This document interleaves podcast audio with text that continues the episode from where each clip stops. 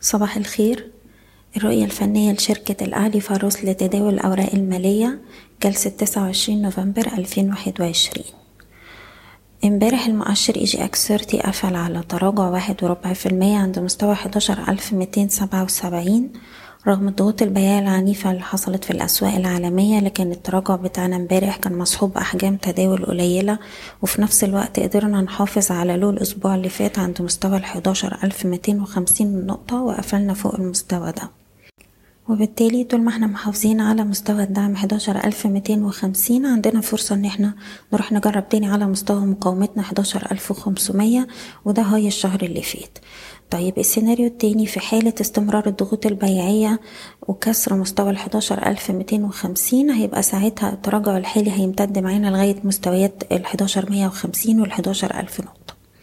على مستوى الأسهم كان في أسهم امبارح كتير بدأت بتراجع بداية الجلسة ورجعت ردت وقفلت قرب highات الجلسة. هنركز على ال lowهات بتاعت جلسة امبارح. مهم جدا إن إحنا نحافظ عليها وما نكسرهاش.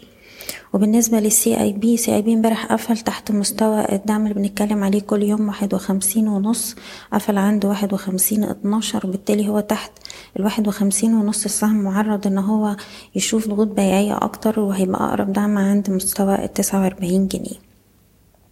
من الأسهم اللي كان أدائها كويس جدا امبارح سهم مصر الجديدة والسهم دلوقتي بيقرب من مستوى مقاومة عند الأربعة جنيه خمسة وسبعين. دي منطقة للناس اللي اشترت معانا حوالين مستوى الأربعة جنيه. ممكن هنا تجني بعض الأرباح والمقاومة اللي بعدها تكون حوالين مستوى الخمسة جنيه. مدينة نصر السهم طول ما هو فوق مستوى الاتنين وربع اتنين خمستاشر شايفين إن هو عنده فرصة يروح يجرب على مستويات المقاومة عند الاتنين جنيه خمسة وخمسين والاتنين جنيه وسبعين قرش. سهم رميدة هو دلوقتي بيستهدف مستوى مقاومته أو منطقة المقاومة بتاعته ما بين اتنين جنيه خمسة وتلاتين واتنين جنيه خمسة وأربعين. الناس اللي شارية السهم ده تقدر تجني بعض الأرباح عند المنطقة دي حتى تأكيد اختراقها بأحجام تداول عالية واللي مش عايز يبيع ممكن يرفع مستوى حماية الأرباح بتاعه لغاية مستوى الاتنين جنيه وخمس قروش.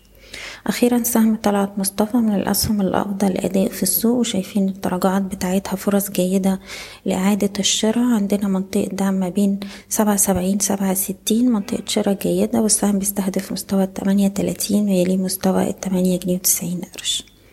بشكركم بتمنى لكم كل التوفيق. إيضاح الشركة غير مسؤولة عن أي قرارات استثمارية يتم اتخاذها بناء على هذا التسجيل. شكراً.